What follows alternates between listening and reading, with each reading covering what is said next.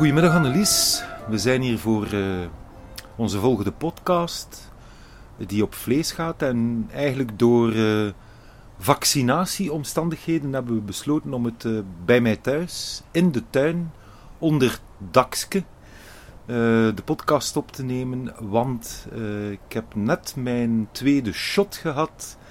En laat ons zeggen dat ik daar toch een beetje slapjes van loop. Maar genoeg gesproken over het zwakke vlees van de interviewer. Vandaag gaan we het hebben, Annelies, over, uh, over vlees. Uh, meer bepaald over uh, slachten, over de penshuisjes, het grootvleeshuis. Kortom, vlees in middeleeuws Gent. En ik weet, daar weet jij toevallig, denk ik, bijna alles van. Uh, hoe weet ik dat? Wel, Annelies is uh, de auteur van een, uh, een prachtig naslagwerkje, zeg maar, daarover. En we gaan daar vanav vanavond een klein beetje um, rond causerieën. Annelies, slachten in de Gentse binnenstad. Wanneer is dat begonnen? Hoezo? Waarom? Ja, waarom? Omdat de Gentenaar al een keer graag een biefstukje had.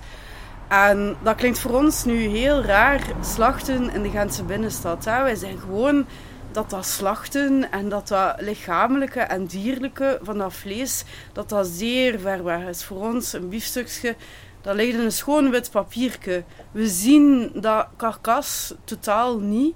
Maar dat is een, dat is een heel modern concept. We willen ons daar ook een beetje mee sussen. Hè? Van het dode dier en, en ons vleesje, die moeten van elkaar gescheiden zijn. Maar het vleeshuis, wat dat nu nog altijd bestaat, het, het grootvleeshuis heet het eigenlijk, ja, dat was een slachthuis. En dat had uh, 116 togen voor 116 leden van de beenhouwersgilden die daar werkten, die daar dieren doden en ontbeenden en waar dat mensen een vlees konden kopen. 116 togen, zegt je. Nu, ik ken het vleeshuis goed. Ik uh, geef regelmatig een verhalentocht. En dan, ja, nu kun je even niet binnen, want het wordt gerestaureerd. Maar normaal wandelen wij dan binnen. En ik heb dan nu, allez, ik kan me dat moeilijk inbeelden, 116 togen, beenhouwers daar bezig zien. Hoe, hoe zag dat eruit dan in de middeleeuwen, die togen? Dat waren dan eerder kleine eerder kleine en de, de karkassen werden echt aan het gewelf opgehangen. En dat is een heel groot, heel mooi gewelf.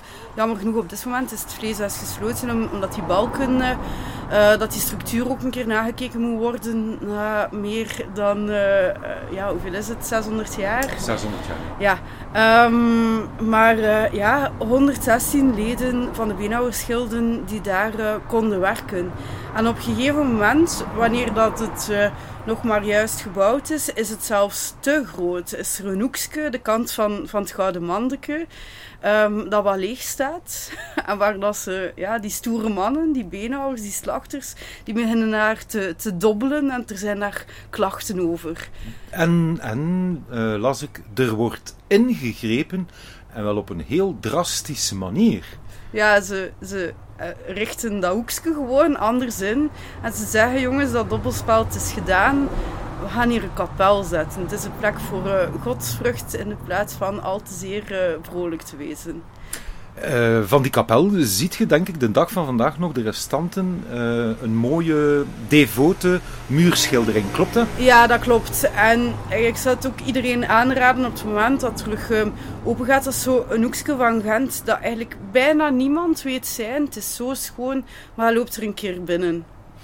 Je zegt van uh, slachten en karkassen die daar uh, hangen. Um, hebben wij een idee? De Gentse middeleeuwer gezegd hij eet graag zijn biefstukje. Ga ik er dan vanuit dat daar vooral runderen worden geslacht? Ja, dat, dat klopt. Dat klopt helemaal. Want um, in de jaren tachtig zijn er uh, opgravingen geweest. En hebben ze de funderingen van het groot vleeshuis on onderzocht. En die zijn eigenlijk, dat is daar nogal een weke bodem, zo direct aan de leien. Ja, natuurlijk. En um, ze hebben een hele diepe fundering moeten graven. En er was een niveauverschil tussen het onderste van de fundering en de, uh, de grondlaag aan, aan de groentemarkt. Dus ze hebben dat opgevuld met beendermateriaal. Dus we hebben gigantisch veel botten daarin uh, teruggevonden. En 70% daarvan, dat zijn runderen. En dat toont ook heel schoon. Dus ja, die runderen die zijn voor de 15e eeuw geslacht. Want dat vleeshuis is in het begin van de 15e eeuw gezet. Uh, en dat toont aan hoe dat eigenlijk het platteland rond Gent, hoe dat uh, veranderd is. In de Romeinse tijd gaan de sites uit, uit, uit de klassieke oudheid, Gallo-Romeinse periode, dat gaan heel veel varkens zijn dat je daar vindt. Mhm. Maar de middeleeuwen, dat is al runsvlees, runsbotten. En um, ja, varkens die werden gehouden in de bossen. En dat rundvlees dat duidt op zo al een ontwikkeld platteland dat rond Gent lag. Ja, want voor alle duidelijkheid, als jij zegt uh, vroegmiddeleeuwse varkens of Gallo-Romeinse varkens, dat zijn niet de roze knuddeltjes die we de dag van vandaag kennen als zijnde ons zwijntjes. Ze zagen er eerder anders uit. Nee, dat, dat is, dat, dat, je ziet dat op de afbeeldingen ook. Hè. Dat is zo meer een everzwijn. Dat heeft nog haar, dat, dat heeft een lange staart. Dat heeft oortjes die, die rechtop staan, want die flapoortjes, dat is een teken van het gedomesticeerde dier. Je gaat nooit een wolf met flaporen zien. Um, en um, slagerij Dierendonk heeft een super tof project waarin dat ze die oude varkens opnieuw gekweekt hebben. Het, het Menapisch varken heet dat, want dat was uh, in de Gallo-Romeinse periode, dat was onze trots, de Menapische ham, die werd uitgevoerd naar, naar Italië ook. En kunt die nu terug bij Dierendonk krijgen. Dus de Menapische ham is een beetje de voorloper van de Ganda-ham. Voilà. Mm. Ja. En uh, opnieuw te verkrijgen bij Dierendonk. Bij Dierendonk, uh, ja. Misschien toch kort intermezzo, Annelies. Uh, heb jij al Menapisch varken gegeten? Maar ja, gij, dat is ik weet niet hoe lekker. Daar zit zo'n beetje een, een wildsmaak in. Um, wat dat logisch is, hè, want ja, die zwijnen, dat zijn serieuze beesten. Ik heb mij laten vertellen dat ze die stallen, dat ze die echt hebben moeten versterken, om, omdat een gewone varkenstal um, niet voldoende was. Ja, het zijn ook relatief agressieve beesten wel nog. Hè? Het zijn niet zo die, die tamme dikkerts die, uh, die wij gewoon zijn. Hè? Nee, maar je zat daarvan verschieten, een gewone varken moet daar ook niet voor de lol in de stal gaan lopen. Nee, nee, het is ook geen knuffeldier. Nu, uh, dieren zagen er inderdaad vaak anders uit. Hè. Wij zijn ons daar te weinig van bewust. Uh, als je de dag van vandaag een, uh, een koe ziet, zeg maar wat, het gekende Belgische wit-blauwras, ja, dat is een immens beest. Ja. Dat beest kan zelfs niet meer bevallen op een natuurlijke manier. Daar moet altijd een dierenarts bij te pas komen, gewoon omdat dat een een en al vleesbom is. Zo'n middeleeuwse koe die zag er waarschijnlijk dan ook helemaal anders uit. Voilà, ja, die koetjes die um, in het vleeshuis gevonden zijn, die moeten veel kleiner geweest zijn. Want zelfs al vinden maar een botfragmentje, uh, een gespecialiseerde archeoloog, die kan zo'n beetje Hans dat dier reconstrueren. En die koeien die waren ja, maar een meter 10, meter 20 groot. Terwijl dat zo een wit-blauw um, toch gemakkelijk meter 30, meter 40 is. Dat zijn ja, heel gespecialiseerde rassen. Die dan vooral nu hebben ofwel koeien die ofwel melk geven ofwel gebruikt worden voor de slacht. Terwijl vroeger hadden ze meer een all-round koe. In het provinciaal domein Puienbroek is er een levend erfgoedpark waar dat je zo die oudere rassen, dat ze ze daar nog kweken. De oude schapen, de oude koeien, zoals ze er vroeger uitzagen. Uh, het is goed dat je zegt de, de schapen, want uh, ja, ik had zo altijd het idee, in de middeleeuwen, ja, een beetje varken zullen wel eten, rund zullen wel eten, maar schaap, dat moet toch ook uh, gegeten worden? Dat kan, dat kan toch niet anders? Want er zijn er zoveel. Ja, ja, ze hebben er veel nodig voor een wol, hè. En dat is ook een heel tof onderscheid dat we zien tussen die runderen en die uh, schapen in het vleeshuis.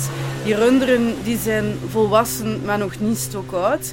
Maar de schapen die geslacht zijn, die hebben een langer leven gehad. Dus dat betekent dat dat schapen zijn die ge, ja, gebruikt zijn voor wolproductie, om dan laken van te maken.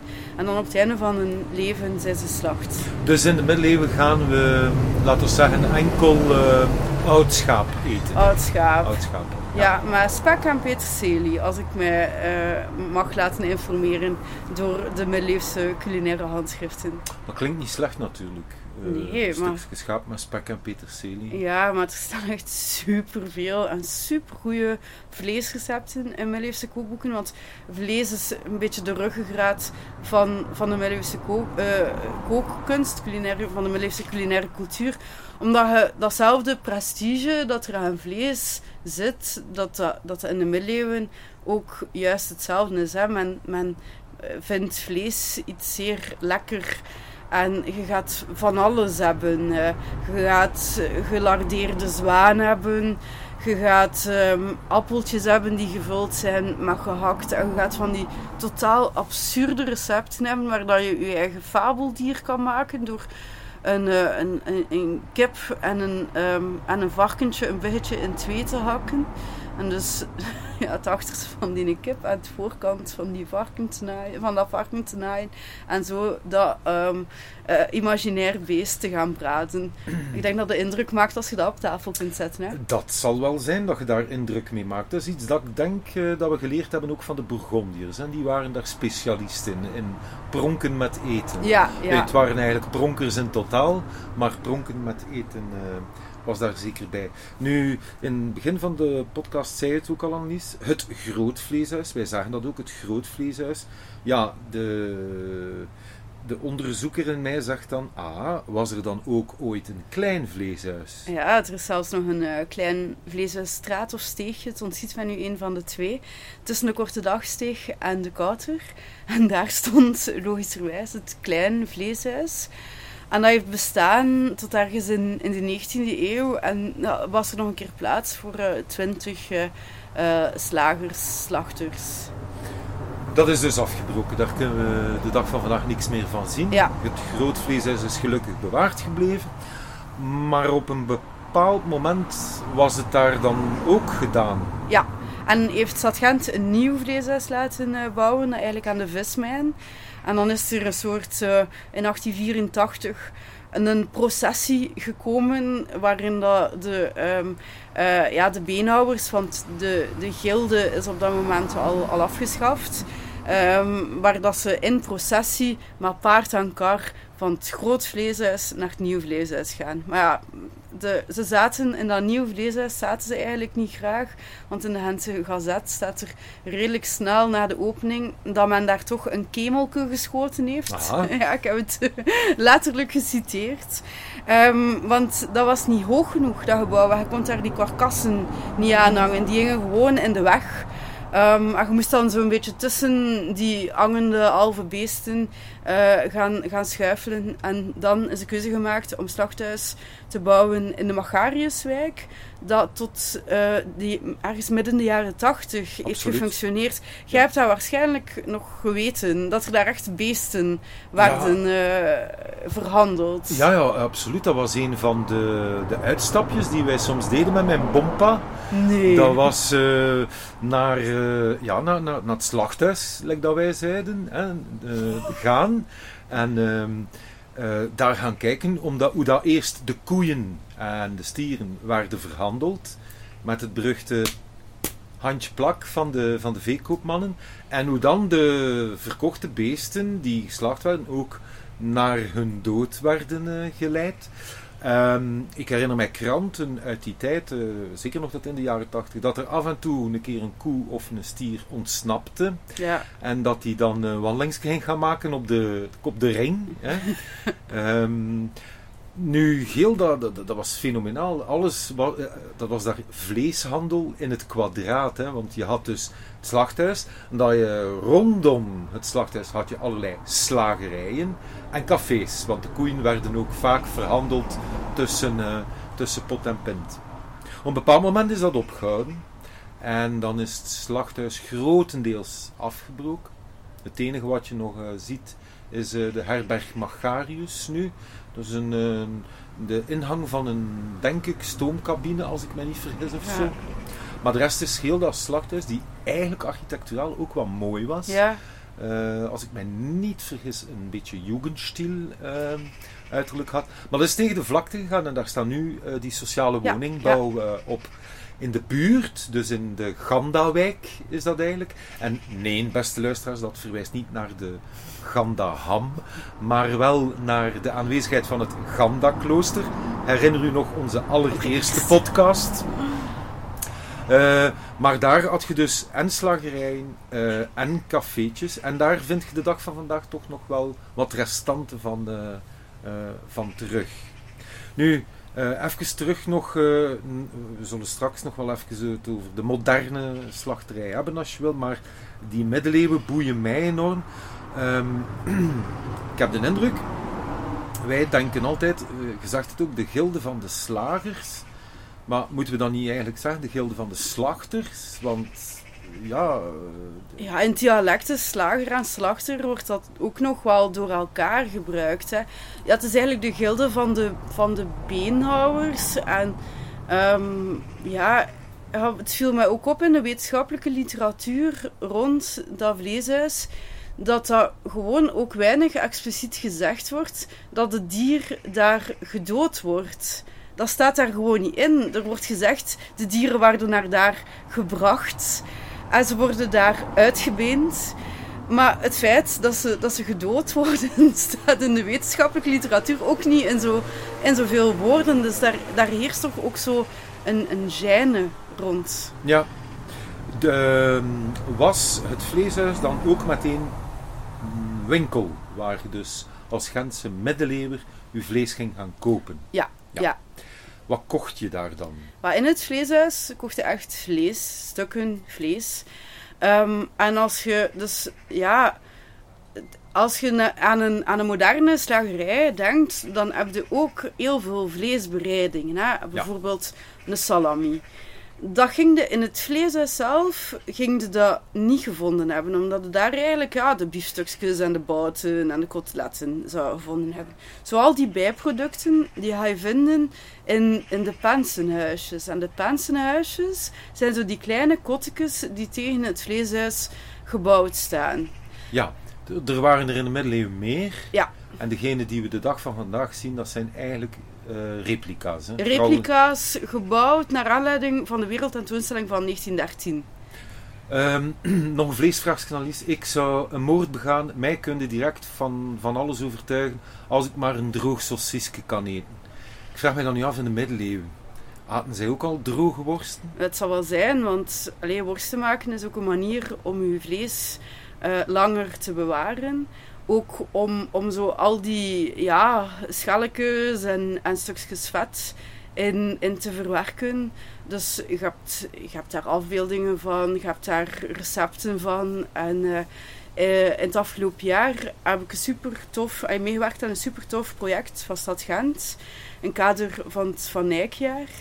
Ehm, is er een culinaire inspiratiegids geschreven, maar recepten die gebaseerd zijn op, ehm, op echte middeleeuwse recepten. En die zijn dan verwerkt, eh, herwerkt voor eh, een moderne foodie. En dat is Olly Keulenaren van Restaurant Publiek die dat gedaan heeft. En dan zijn er ook een aantal Gentse makers, ambachts, moderne ambachtsmannen, die, en vrouwen uiteraard, die ehm, met die ideeën aan de slag zijn gegaan. Dus bijvoorbeeld Monsieur Boudin heeft een witte pens gemaakt met karvel. ehm, gebaseerd op middeleeuwse ideeën. En er is ook ehm, een droge worst met walnoot en venkel Oh. gemaakt. Ja. En je kunt al die lekkere dingen ehm, eh, bijvoorbeeld in de shop onder Belfort vinden. En de, eh, bij het Hinkelspel hebben ze ook wel een aantal van, van die producten. En het is, het is echt wel de moeite waard, want ja, dat is ook ons verhaal, hè, om u te laten inspireren door eh, hetgeen wat was. En Annelies is weer haar eh, zeer bescheiden zelf, luisteraars, dus zal ik het maar zeggen. Het is ook een prachtige brochure, Smakenlijk genoemd, met de EYCK van Van Eyck, waar eh, Annelies als, als foodhistorica ook haar bijdrage aan geleverd heeft. En ehm, ongelooflijk maar waar, je kunt ze eigenlijk gratis gaan afhalen in de stadsshop eh, onder het Belfort. Het is een aanrader, want het is niet alleen een interessant historisch werkje. Er staan ook een paar prachtige receptjes in. En over al de lekkere dingen waar we het al over gehad hebben, vind je ook uh, meer terug. Dus uh, smakelijk. Ga maar een keer gaan kijken en ga je zo'n brochure gaan halen, zou ik zeggen. En voor wie dat niet zelf wil of kan koken, er komt um, eind juni, het laatste weekend van juni, komt er een feestje. Weet jij nog wat dat is, Noël? Een feestje. Een dat feestje, zo... dat zegt mij vaag, vaag. Ja, dat is vieren met mensen die niet in uw bubbel zitten. Dat is Quenio Och ja, dat is lang geleden. Ja. ja. Dus het laatste weekend van juni vieren we Sint-Jansnacht. Uh, dat is een feest dat in de middeleeuwen ook gevierd werd.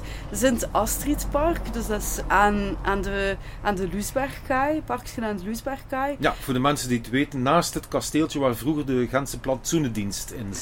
Ook, ja. ja. En, en naast het, uh, de Loesbergmarkt. Naast de Loesbergmarkt, waar dat ook Hinkelspel, Hinkelspel de ja, ja, ja.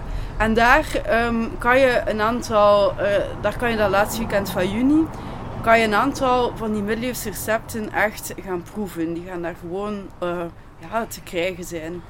Dus uh, als mensen ons eens tegen het lijf willen lopen, ze kunnen ons vinden het laatste weekend van juni feest, dames en heren. Feest. Waar dat je dus uh, Annelies zeker kunt aantreffen. En ik zal ook eens passeren. Uh, even terug nog, uh, Annelies, naar onze, naar onze podcast voor vandaag. We hebben het nu al gehad over het vlees. Ik wil eventjes nog stilstaan bij die... Ik denk dat het unisolo mannen waren, aangezien in de middeleeuwen er zullen nog geen slagerinnen Nee. Of beenhoudsters geweest zijn? Nee, die, die gilden die waren uh, een mannelijke zaak. Ze, zeker de, um, de beenhouwers, ja, dat waren ook stoere mannen. Hè.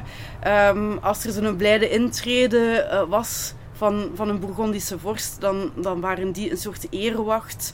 En die beenhouwers hadden ook speciale voorrechten. Die mochten gaan jagen met windhonden, wat, dat, wat eigenlijk een, een ah, voorrecht ja. van de adel was. Tuurlijk. Een normale man mocht dat niet.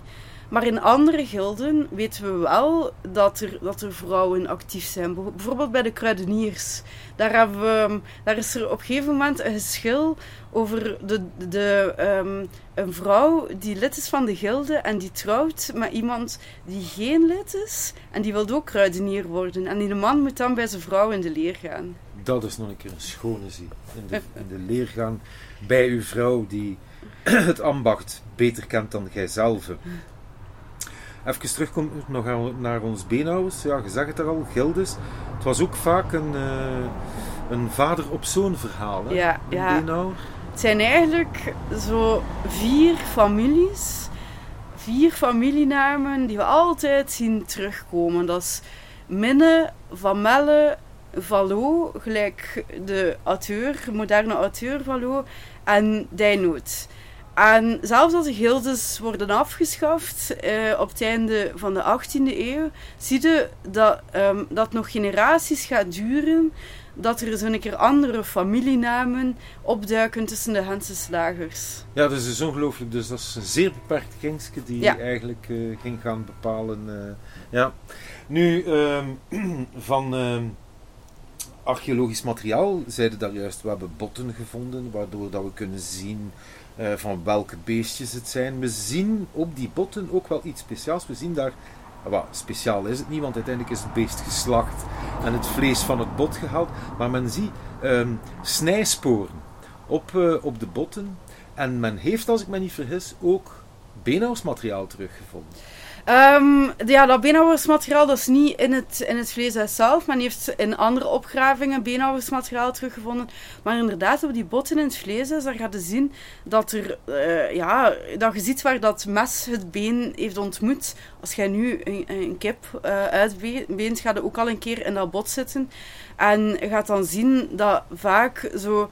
Um, op, op de pootjes dat er, dat er een snijspoor zit, omdat men daar een gemakkelijk beginnetje kan maken om uh, het ganse stuk vlees van, van het geraamte te gaan snijden. Ehm, eh, ja, en die beenhouwers die hadden, die hadden gespecialiseerde messen. Hè. Die hadden hakmessen, uh, beenhouwersmessen met zo'n schone ronde punt. Waar dat de, als je een beetje geoefend bent met zo'n mes, in één schone haal uh, een biefstuk eraf kunt snijden. Um, maar dat vleeshuis, ja, we weten zeker dat dat super professionele omgeving is. Want als je beendermateriaal gaat vergelijken van het vleeshuis buiten een beendermateriaal uit de Magariuswijk, ga je zien dat buiten de context van het vleeshuis gaat er nog een ander spoor op je botten zien. Namelijk de hond die het eraan geknaagd hmm. heeft. Ja. En dat zie je in het vleeshuis uiteraard niet. Daar was er geen hondje dat nog een keer onder de toog lag om die, om die beentjes nog een keer af te knagen. Die botten waren, werden direct in de afvalput geworpen. Ja. Uh, in de afvalput. En uh, ook uh, heb ik altijd geleerd, een, uh, een deel van het onbruikbare werd dan gewoon het water ingegooid. Hè? Ja, ja, want allee, ja, proper waren die stadswateren niet. Hè, ja. ja, het is toch wel bijzonder de, dat we moeten vaststellen dat zo'n vleeshuis dus eigenlijk ook wel een soort van vroege middeleeuwse sanitaire maatregel is.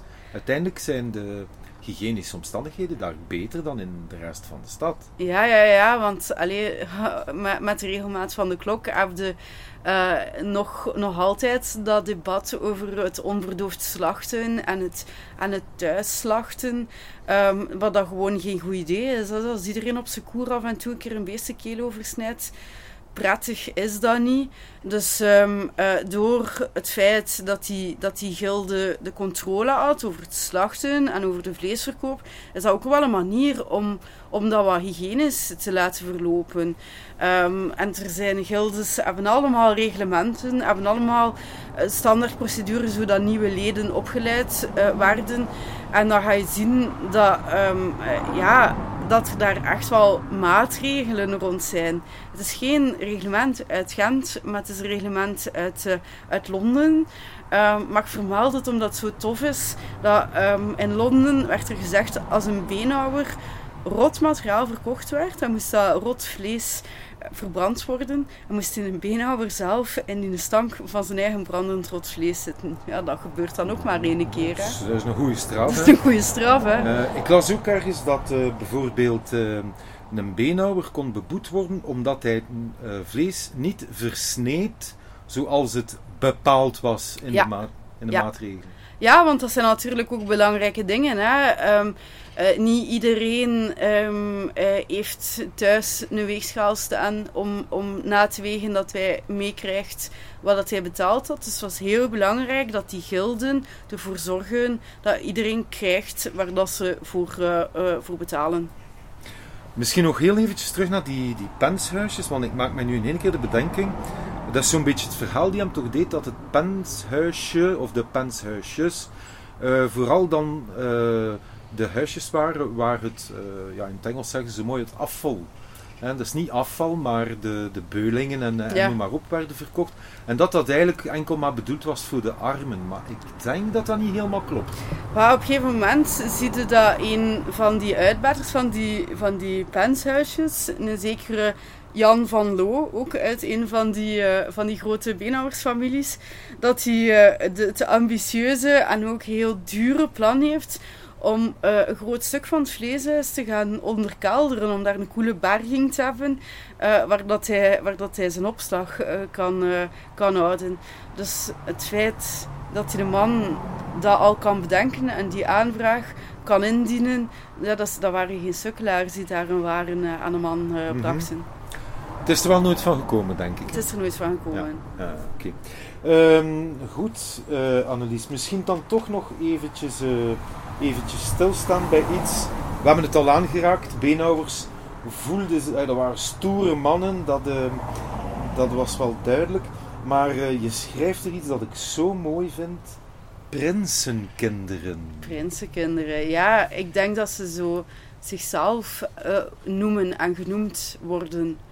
Dus ehm, ja, ik denk dat dat ook wel heel belangrijk is om, om, om zo de waarde van, van het ambacht te benadrukken. Dat waren belangrijke mensen in de stad. Dat, dat was een politieke drukkingsgroep. Hè. De gilden, de Gent, zijn, zijn super belangrijk. En, en ik denk dat we daar toch ook wel wat meer respect voor mogen hebben voor iedereen nu, nu nog die, die kwaliteitsproducten levert. Dat is een hele grote ja, mate van kennis en van handelingen en van ambacht, waar dat die mannen, hedendaagse mannen en vrouwen over beschikken. Ja, ik volg u daar uh, volledig in. Als al iets is waar we het in onze podcast uh, altijd over hebben, is het over kwalitatief eten. Voilà. En dan hebben we het niet over het, uh, met alle respect, het biefstukje die in een of ander groot warenhuis op een polystreenbakje gesmeten is met een plastiekje over. Als je eens lekker wil proeven, durf af en toe eens te investeren. Voilà, ja. Een goed stuk ambachtelijke kaas, een goed stuk met liefde opgekweekt vlees, ehm, een lekkere wijn, uh, noem maar op. Het kost iets meer, maar het smaakt zoveel meer. Ja, liever een paar keer in, in de week goed vlees van dieren die het schoon leven hebben gemaakt, dat misschien dan iets duur, duurder is dan, dan elke dag door de weekse hamburgers. Goed Annelies, ik denk dat we bij deze uh, aan het einde gekomen zijn van, uh, van deze aflevering. Ik denk dat ik mij direct een klein stukje droge worst ga nemen. Ik heb er ongelooflijk goesting in gekregen. In ieder geval, het was weer een, uh, een hele leuke podcast. En het doet mij uitkijken naar onze volgende. Heb je al een idee waarover dat we het gaan hebben? Ah, wel. Ik heb een berichtje van Marcel gekregen dat wij volgende week een keer naar de volkstuintjes moeten gaan, omdat ons eerste lading Genbrugse aardjes oogst klaar is. Dames en heren, deel 3 van de Genbrugse aard is in de maak. We houden u op de hoogte met smaak. Tot de volgende keer. Tot de volgende keer.